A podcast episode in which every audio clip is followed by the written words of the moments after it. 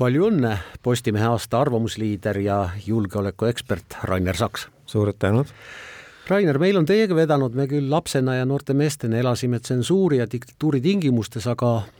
oma töö ajal me seda enam kogenud ei ole. me võime julgelt öelda, et sõna on täna Eestis vaba. jah, selles ei ole põhjust kahelda, jah, see on tõsi. loomulikult mõjutavad sõltumatut ajakirjandust mitte ainult dik diktatuurid ja režiimid, vaid ka eriolukorrad ja emotsionaalsed kõrghetked.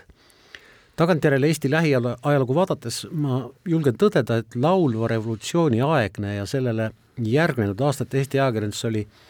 endisega võrreldes küll täiesti vaba, aga tänase ajakirjandusliku käsitluse kohaselt emotsionaalselt kallutatud. muidugi, absoluutselt, see oli ju, see oli mingi täiesti uus tunne, mida inimesed, kes toona meedias töötasid, kogesid ja, ja ma ei tea, kas see nüüd oli juhuslik, aga, aga vist, kui ma ei eksi, siis just eriti kaheksakümnendate päris viimastel aastatel, seal kaheksakümmend üheksa ja tegelikult üheksakümmend, üheksakümmend üks liitus väga palju nooremaid uusi tegijaid ajakirjandusega, et see oli väga-väga hinnatud töö tol ajal või väga kõrgelt väärtustatud ühiskonnas. see oli jah, kõrgelt väärtustatud äh, töö ja mina mäletan noh, suured toimetused olid Tallinnas ajakirjandusmajas ja seal oli oli ka Vene pressi ja seal oli ikka korruste viisi oli täiesti emotsionaalne ja poliitiline vastuolu. et mõned venekeelsed toimetused olid ikkagi mingil hetkel rohkem nagu internatside poole peal ikka, ja see tegelikult ju suheldi vist, mina küll toona lehetoimetustes ei töötanud, aga, aga noh, ajakirjanike ja minuealiste sõprade hulgas päris palju olnud, et et kui sa ikka kuuled, siis nagu sel ajal oli nagu ka sellist äh, kuidas selle kohta siis öeldakse, kogukondlikku lävimist ajakirjanike hulgas kindlasti rohkem kui tänapäeval. et ma ei tea, kas on professionaalne, mitteprofessionaalne, aga, aga infoühiskond oli teistsugune, see, ma arvan, äh, tingis ka selle ja tõesti nagu nagu te ütlesite, et kõik töötasid ühes majas koos, selles ajakirjanike majas, olid kõik väljaanded, see juba lõi nagu mingisuguse omanäolise olukorra. oli küll nii, jah. Rainer, tegelikult on konfliktide kajastamisel ju probleem selles, et sageli ei saa ajakirjandusväljaandet kajastada olukorda samaaegselt mõlemal poolel. esiteks on see liiga kallis ja teiseks on see ka võimatu, mida ma silmas pean, no Postimees ilmselt ei saa saata oma reportereid Ida-Ukrainasse nii, et üks reporter kirjeldaks olukorda Ukraina poolelt ja teine kilomeeter eemal Venemaa okupeeritud alal jah, mina ei ole ka varjanud seda, et ma olen ka valinud poole selles sõjas äh, väga selgelt ja, ja ma ilmselgelt soovin, et Ukraina võidaks selle sõja, et selles ei ole kahtlust, aga, aga tegelikult, kui nüüd väga aus olla, siis ma ei kuulu nende hulka, kes väidavad, et nüüd praegu ei tohi Venemaaga üldse suhelda, vaid nagu ma ise seda teha ei saa, mulle, mul ei ole selleks võimalusi aga tegelikult mulle väga meeldiks, kui oleks võimalik saata niisugune aus reporter ka teispoole rindejoont, kes kirjeldaks, et mis seal siis nagu, mida ta näeb seal. see on ju väga tähtis informatsioon, et äh, lihtsalt seda ei ole võimalik selliselt teha, et see inimene peab tõenäoliselt alluma siis teatud manipulatsioonidele ja, ja tema, tema endaga nagu võidakse hiljem läbi viia mingisuguseid manipulatsioone, mis ei ole nagu võib-olla tõesed, aga noh, võidakse teda siis nii-öelda määrida nii et, et selles mõttes on jah, tõesti see olukord kahjuks selline, et ei ole võimalik näha nagu niisugust äh, mõlema poole pilti niisuguse neutraalse pilguga vaadatuna. see nii on jah, minu kogemusest on küll üks äh, hetk meenutada, kui BBC-l oli Gruusia-Abhaasia sõja ajal, oli korrespondent Tbilisis, korrespondent Suhumis ja korrespondent äh, Gruusia poole peal. et äh, ja siis tervikpilt kirjutati kokku Manchesteris või Londonis, noh, see on ideaalne ja seda on, äh, tuleb vähe ette. väikene skandaalikene lahvatas ka Ukrainas, kus sealne julgeolekuteenistus tunnistas, et jälgis salaja Pihus info meediakanali mõnede ajakirjanike tegevust. veidi segane lugu minu jaoks siiamaani, aga julgeolekuteenistuse juht Vassel Maljuk kinnitas, et tegemist oli äh, tsiteerin, üksikute töötajate vastuvõetamatu tegevusega ajakirjanike suhtes. ja Ukraina eriteenistuse ülesanne on ka sõnavabaduse ja meedia sõltumatuse kaitsmine, see avaldus tegelikult näitab, et Ukraina astub vähemalt riiklikul tasemel samme vaba meedia kaitseks ja, ja noh, see, see avalduse tekst on väga sümpaatne, aga sellest ma pean ka tunnistama, sellest loost ma aru ei saa, et miks, miks need, sest no tegemist ei ole mingisuguse Ukraina jaoks vaenuliku meediakanaliga ja või minu, minu teada või, ja, ja seal on jutt, ma ei taha hakata nüüd kordama seda, mis siis on nii-öelda levinud see kuulujutt, miks neid ajakirjanikke jälgiti, et, et mitte siis nende ajakirjanduslikud tegevused mingi muu asja pärast, aga noh, seni kuni see ei ole selgeks tehtud, ma ei taha seda, seda infot korrata. Äh, ma arvan, et, et Ukrainas tervikuna saavad kõik riigijuhid ja kõik saavad aru, kui oluline on vaba ja sõltumatu meedia, et selles ei ole põhjust kahelda. ja Ukraina meedia tõepoolest on väga kvaliteetne ja mina seda kasutan ja tarbin väga ohtralt ja ja ka need kanalid, kelle puhul öeldakse, et noh, nad on mingile oligarhile kuuluvad, siiski sa näed, et äh, võib-olla okei okay,, seda konkreetset oligarhi tõesti seal nagu iga päev ei kritiseerita, aga nad ikkagi teevad nagu väga professionaalset tööd. nii et minu arust see on nagu Ukraina väga selge tugevus, et on niisugune hästi kirev, mitmekülgne ja, ja samas päris professionaalne meedia. Niimoodi on jah, Venemaal paraku on asjad teistmoodi, mitmed võimukriitilised ajakirjanikud on tapetud, meenutagem kas või kahe tuhande viiendal aastal tapetud tuntud teleajakirjanikku Vladislav Listjevit ja kahe tuhande kuuenda aasta oktoobris tapetud Anna Politkovskajat, nendest mõrvadest on kakskümmend aastat möödas, aga need ja kümned teised rünnakud ajakirjanike vastu mõjutavad igasuguseid katseid vahendada vaba ja sõltumatut informatsiooni. kas me võime öelda, et Venemaa ajakirjandus elab raamis ja hirmus? No ma ei tea, ma ei, ma ei puutu väga palju nende inimestega kokku, et Venemaaga on nüüd nagu kahjuks see lugu, et väga palju inimesi on sealt lahkunud, saavad aru, milline olukord ja kes ei taha nagu või noh, kellel ei ole nagu kohati nagu natukene niisugust isegi masohhistlikku soovi olla seal, olla seal nii-öelda võimude äh, võimude surve all, et äh, aga on neid, kes on väga julged ja, ja, ja väidavad, et kui ma sealt Venemaalt lahkun, siis minu mõju üldse Venemaal kaob ja, ja ma ei, see, mis ma siin välismaal teeks, eks ju, seda hakatakse Venemaal lugema kohe koefitsiendiga. ja et noh, on niisuguseid väga julgeid inimesi, aga mida, mida Venemaa võim on teinud, ta on teinud seda, mida isegi minu arust Nõukogude ajal, noh, ärme räägi sellest perestroika ajast nii-öelda, vaid sest nagu mm. nagu ütleme, Leonid Brežnevi nagu viimasest kümnest aastast kus Vene meedia oli ka ju selgelt ideologiseeritud ja ei olnud vaba meedia ja aga noh, ütleme seda mõnes mõttes seda meediavabadust on nüüd küll Venemaal viimase kolme-nelja aasta jooksul vähem, kui oli, kui oli sellel Nõukogude ajal. jah, nii on ja, ja mitte, mitte ainult äh, Venemaal, vaid noh, ajakirjandusvabadust piiratakse rohkemal või vähemal määral ka teistes endistes äh, Nõukogude Liidu osades, noh, mõnes Kesk-Aasia riigis kindlasti täiesti otseselt. jaa, seal on see, seal on see täiesti, täiesti loomulik protsess ja, ja no eks vaba ajakirjandus on väga palju seotud ka niisuguse väga tugeva kõrghariduse, linnakultuuri ja mingite selliste elementidega ja ja kui see nagu on ka nagu nõrgalt arenenud, siis kipub see tagasiminek olema väga kerge mitte ainult ajakirjandust, eile andis Moskva kohus välja vahistamismääruse menukirjanik Boriss Akunini suhtes ja süüdistatakse teda siis Vene armee kohta väidetava valeinfo levitamises. väga populaarne kirjanik, Akunin on olnud Ukraina toetaja, elab küll välismaal, tal on Briti pass mm., aga äh, välisagendiks tembeldas äh, ta siis Venemaa eriteenistus, nii et surve all on kirjandus, kunst, muusika, isegi sport vist. jah, et äh, Venemaal on see niisugune, niisugune huvitav fenomen, kuidas nagu seda survet ehitatakse niimoodi kannatlikult ja, ja sihipäraselt nagu pika aja vältel üles, et Boriss Akunin vist võib küll taotleda ka Gruusia kodakondsust, kui ma ei eksi, aga ta on Gruusia päritolu. ta on Gruusia päritolu. Grigori Tšertišvili on ta tegelikult. õige nimi, jah. aga aga vaieldamatult oli ta pikka aega Venemaal ju väga populaarne kirjanik ja, ja tegelikult tema populaarsus põhines ka selles, et ta kirjutas ju noh, ütleme äh, perioodist neid kriminaalromaane, mis Venemaa võimule väga sobis, sest nagu seal, seal ju noh, mitte ei ülistata otse seda Tsaari-Venemaa niisugust glamuuri, aga, aga Venemaal tänapäeval keegi ei oska nagu sellest perioodist enam haaravalt kirjutada ja, ja selles mõttes täitis ta seda nišši, mida Putini administratsioon ka soovis, et nagu et seda perioodi nagu toodakse esile, et noh, Nikita Mihhalkovi filmid on, eks ju, üks nagu, mis, mis nagu üritab seda seda tolleaegset glamuuri niimoodi esile tõsta ja, ja nagu näidata, et see oli nagu Vene riigi nagu mingisugune, mingisugune kõrgaeg või noh, midagi taolist. aga vaadake nüüd kui see algas sõda, siis Boris Akunin võttis väga selge seisukoha, et tema seda ei toeta. tegelikult juba Krimmi annekteerimisel. tegelikult juba Krimmi annekteerimisel, aga siis oli veel noh, see asi oli veel niimoodi, et oli hübriid ja nagu Venemaa ei läinud seda nagu otse niimoodi tegema ja üritas seal näidata mingit teistsugust protsessi. ja nüüd on nagu seda Akuninit siis on nagu, ma ei taha öelda, kas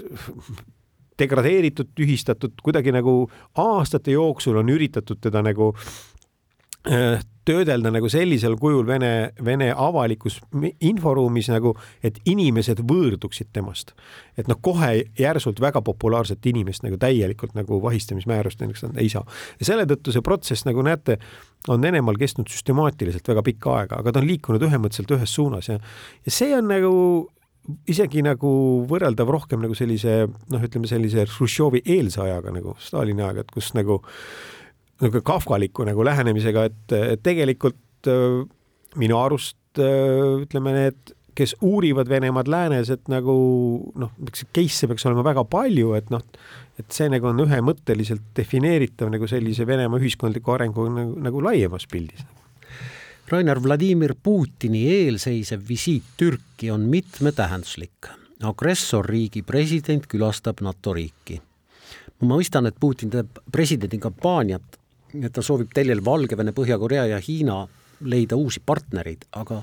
miks Türgi president Erdogan seda teeb, mis on tema huvides? ma arvan, et see on nagu väga paljuski nagu selline Türgi presidendi ambitsioon ennast isiklikult välja mängida niisuguse tugeva regionaalse liidrina, ta on pikka aega olnud Türgi president, on seda mitu korda proovinud ta on proovinud, eks ju, mäletate, enne seda Araabia kevadet üritati nagu näiteks Süüriaga mingisugust niisugust koostööd üles ehitada, nagu niisugust, ta üritas välja mängida ennast kui nagu islamimaailma liidrit ja ja on, on nagu Iraaniga proovitud koostööd, siis on jälle ebaõnnestunud, ühesõnaga tal ei ole nagu ühtegi niisugust nagu head liini tekkinud, aga ta nagu, ma arvan, ta üritab ennast ka nagu eristada nagu selles mõttes nagu sellest NATO-st ja nagu Euroopa puhul eriti ja ka Euroopa on selles ka ise palju vaeva näinud, et Türgiga nagu seda äh, suhet nagu lahjendanud. et seal on väga palju asjaolusid, mis langevad kokku, aga noh, Türgil on selline Mustal merel toimuvate konfliktide mõttes on, kus ta ise ei ole osaline, eks ju, et tal on selline unikaalne positsioon no, selle Türgi väinade lepingule, eks ju, mis on vanem kui NATO või noh, mis tahes, mis tahes nagu muu julgeolekustruktuur ja ja see võimaldab tal nagu, nagu sellist nagu poolneutraalset positsiooni välja mängida, et samas me teame, eks ju, ta toetab Ukrainat, annab Ukrainale relvastust ja ja ühesõnaga mängib nagu sellist vahemeest. ja, ja see vahemehe mängimine, mis Lähis-Idas on alati väga kõrgelt hinnatud ja koteeritud ja ka makstud teinekord, eks ju, positsioon nüüd kahjuks hetkel näeb väga närune välja nagu just nimelt see, et noh, Venemaa president isiklikult tuleb, tuleb, eks ju, Ankarasse ja, ja kuna ta on ju ilmselges diplomaatilises isolatsioonis, see tegelikult oleks just nagu täpselt selline, selline reis, mis väga paljude jaoks oleks argument, et jah, et võib Venemaa presidenti vastu võtta küll. NATO suhtes on see ikka provokatiivne ju. oi muidugi ja no NATO on olnud ka Türgi suhtes nagu vot siin on jälle nagu mingid nüansid, ma ei taha nüüd õigustada seda absoluutselt ja minu jaoks on see noh, mitte punase joone ületamine, minul ei ole nagu selles mõttes punaseid jooni, aga aga kindlasti minu jaoks näitab see seda, et noh, Türgi, Türgi president nagu ilmselgelt on valmis minema mingi isikliku ambitsiooni tõttu nagu täiesti noh, mingitest väga-väga elementaarsetest piiridest üle. Ja no NATO ei, näiteks ju ma pean silmas siin mitmed NATO riigid ei toeta ju Türgi ter-, terviklikku ohuhinnangut nagu, mis puudutab seda Kurdistani ja seega see S-400 äh, kaitse äh, õhukaitse selle kompleksi lugu on ju näide sellest, et kuidas, eks ju, USA, kes on küll suurte Lähis-Ida konfliktide puhul viinud Patriot süsteeme Türki, aga neid mitte kunagi Türgile üle andnud ja neid alati sealt ära viinud, kui olukord rahuneb no et Türgi nagu mõnes mõttes on nagu ka saanud vabad käed sealt NATO poolt nagu niisugust mängu mängida ja ja samas see käib sellise piiri peal, eks ju, et ega, ega siis noh, Türgi NATO suuruselt kolmas-neljas armee, ma ei usu, et, et seda nüüd hakatakse nii kergekäeliselt nagu eemale tõukama äh, NATO-st Jamestown Foundationi vanemteadur Pavel Luusin on öelnud, et Venemaa võimekus sõda jätkata ei sõltu mitte niivõrd rahast, kuivõrd rahva tahtest ja riigi poliitilise eliidi otsustest. ometigi on sõdimiseks vaja raha ja järelikult pole sanktsioonid piisavad. jah, või nad ei tööta siis niimoodi, nagu arvati alguses ja, ja siin on muidugi see, et et ka ütleme, eriti just Euroopa ja USA, noh, et USA finantssanktsioonid ühelt poolt ja siis Euroopa mitmesugused finants ja muud piirangud, kaubandus ja ja, ja muud majanduspiirangud, eks ju, nad on siiski ju jõustatud järk-järgult. Ja just nimelt selleks, et nendel eh, Euroopa enda ettevõtetel ja USA enda ettevõtetel oleks nagu leebem üleminekuperiood, eks ju, et noh, see on juba esimene, esimene näide selle kohta, et teine pool saab aru, et kus on siis nii-öelda lääneriikide valukohad ja siis on võimalik hakata nagu sellega manipuleerima ja otsima neid ümber, ümbermineku teid, eks ju, sanktsioonidest ümber minna ja tegelikult suuremas pildis, mis on tähtis, on see, et äh, miks Hiina ja, ja Venemaa üritavad töötada siis seal BRICS ja teistes raamides nagu selle nimel, et see dollaripõhine maailmavaluuta süsteem eh, murda. Ja see ongi see, et, et sellisel juhul need USA finantssanktsioonid kaotaksid jõu. ja vot äh, kahjuks väga paljud riigid, ka sealhulgas India, Indoneesia, noh, mingid suured riigid, Brasiilia on ka üsna frustreerunud sellest dollari ülemvõimust ja, ja vot nagu neid momente kasutatakse päris osavalt ära ja, ja see on lääneriikide nõrkus praegu kahjuks, et sellest ei noh, ütleme niimoodi, et, et minu arvates on see jälle üks nagu kinnitus sellest, et, et selline strateegiline hägusus on, et ega, ega Euroopas ka näiteks ega, ega Prantsusmaale, Saksamaale see dollaripõhine ei meeldi tahaksid näha, et võiks olla nagu rohkem see nagu sõltumatu sellest ja, ja paratamatult nagu see Euroopa ja USA strateegiline koostöö ei ole olnud piisav selleks, et nagu seda maailmakorda nagu niimoodi tõhusalt toimimas hoida. Ukraina president äh, Zelenskõi kinnitas paar päeva tagasi teleusutluses, et kaalub relvajõudude juhi kindral Valeri Zalužnõi tagandamist, tema sõnul vajab Ukraina, tsiteerin, ümberlülitamist ja uut algust. kas Zeleznõi ja Zalužnõi vahel võib olla, Zelenskõi ja Zalužnõi vahel võib olla mingi isiklik konflikt? no natuke seal on mingit isiklikku momenti ka kindlasti tekkinud, et kui noh, ütleme kahe, kaks aastat on piisavalt pikk aeg, et, et ei saa olla nõrgad juhid seal nende kohtade peal, järelikult nüüd, kui on hakanud asjad minema võib-olla äh, niisuguse venimise ja mitte nii kiire e, e, progressi e, noh, teed, siis, siis tekib neid pingeid kindlasti rohkem ja ja muidugi peab ütlema seda, et mida mina alati kõr-, armastan rõhutada, on see, et kui me, kui me teame, et Ukraina on demokraatlik riik, siis on ikkagi presidendil ka õigus otsustada, kes on kaitseväe juhataja, mitte vastupidi. Et loomulikult ta peab oskama seletada, kommunikeerida, arvestama kõikide ja järgmine peab olema tugevam sellisel juhul kui, kui see eelmine, et see on loomulik. aga teha nagu presidendile lihtsalt etteheiteid, et ta läheb kaitseväe juhatajat nii-öelda välja vahetama, noh, minu arust ei ole kohane. seda enam, et sa, Zalužnõi on ajakirjanduse andmetel väga populaarne kindral. jaa, eks see risk on ja, ja noh, nagu ma ei tea, ma ei tunne isiklikult kaitseväe juhatajat, need inimesed, kes nagu rääkinud on teda kirjeldanud nagu väga pädeva ja sooja ja toreda inimesena, selles ei ole põhjust kahelda, sest noh, ta on selgelt olnud nagu väga tugev juht, aga aga võib-olla tõesti see aeg hakkab ümber saama, kust, kust me teame seda, et me ei ole seal nende, nende tegemiste juures ja ja loomulikult ka see kaks tuhat kakskümmend kolm aasta, kus Ukraina pealetung ei õnnestunud, see on tekitanud Ukrainale poliitilisi komplikatsioone, et nagu me näeme, eks ju, noh, see otsustusprotsessid Euroopas ja, ja USA-s on nagu laperdama läinud, eks ju. See on, sellel on oma kindel mõju olnud, sellel ka, et see pealetung ei ole õnnestunud, nii et noh, midagi peab tegema täna öösel ründas Venemaa raketidega taas pealinna Kiievit. noh, on teateid mõnedest äh, vigastatutest, aga linn jäi osaliselt elektrita. regulaarsed rünnakud pealinnale on pigem vist ikkagi täna moraalne heidutus kui mingisugune sõjaline saavutus. no Venemaa nagu, nagu ikka, tal on see, nad ise ütlevad, see multivektoriline lähenemine, et ta üritab nagu mitut nagu sihti tabada, aga see, seal on jah, nagu üks on see, et, et kui Kiievit ei suudetaks üldse rünnata, siis võiks tekkida Ukrainas nagu selline tunne, et Venemaa jõud on otsas, et nad tahavad näidata, et nad veel suudavad. ja, ja ma saan aru ikkagi, et Venemaa juhtkond väga loodab, et ikkagi mõni rakett lõpuks läks läbi nagu, et mis näiteks, et see Ukraina õhukaitse töötab, noh praegu need mis on, mis on need teated elektrikatkestusest ja, ja seal vigastatutest on vist ikka nendest raketirusudest. et minu arust nagu vist ikkagi õhukaitse on kõik suutnud hävitada, need sihtmärgid, aga nad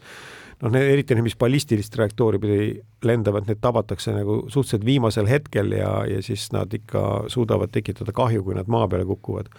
need rusud, nii et äh, Venemaa tahaks väga, et neil õnnestuks need õhurünnakud, et tekitada tunne, et neil on võime Ukrainat nagu siis just nimelt nende ballistiliste ja, ja tiibrakettidega rünnata, sest sellel on ka veel üks väga oluline külg, see on heidutus ka lääneriikide suunal. et kui su raketid ei taba sihtmärke ja seal töötavad ju lääne õhutõrjesüsteemid, siis järelikult ei ole sul mitte mingit lootust rünnata NATO-t, no ei ole lihtsalt. aga Ukraina rindel esialgu suuri muutusi ei ole? ei, veel mitte jah kuulge ja lõpuks, äh, Rainer, äh, rahvusvahelised sõjaväeõppused on alati ka jõudemonstratsioon, nüüd teatasid Iraan, Venemaa ja Hiina, et korraldavad ühise laevastikuõppuse Pärsia lahel. mis on sellises keerulises piirkonnas korraldatava õppuse sõnum maailmale? No see on eelkõige sõnum Ameerikale ja Araabia riikidele, et, et need kolm riiki suudavad koostööd teha ja see on poliitiline sõnum, et noh, mingit sõjalist nagu suurt äh, õppust ma siin või noh, ütleme, et niisugust äh, demonstratsiooni ma ei näe, et äh, Venemaa ei viibi piirkonnas pidevalt Iraan, noh, Iraani toetuseks on ta kõige suurem see, see, see poliitiline demonstratsioon ja, ja Hiina, kes on siis teinud Djiboutisse esimese sõjaväebaasi, siis nagu üritab sinna piirkonda jõuda. aga noh, mitte keegi pole praegu veel Lähis-Idas äh, niivõrd mõjukad, et nad suudaksid nendesse protsessidesse aktiivselt sekkuda ja praegusel hetkel on see, ma ütleks niimoodi, et äh, see on nagu näide sellest, et kuidas USA erakordselt nõrk tegutsemine nii Ukraina suunal viimasel poolel aastal kui siis ka seal Lähis-Idas nagu kutsub esile nagu sellised äh, demonstratsioonid, mis siis nagu peaksid võimendama seda USA nõrka kuvandit. nii et see on, ma arvan, eelkõige sellepärast. suur tänu, et tulite Sihiku stuudiosse, julgeolekuekspert Rainer Saks. palun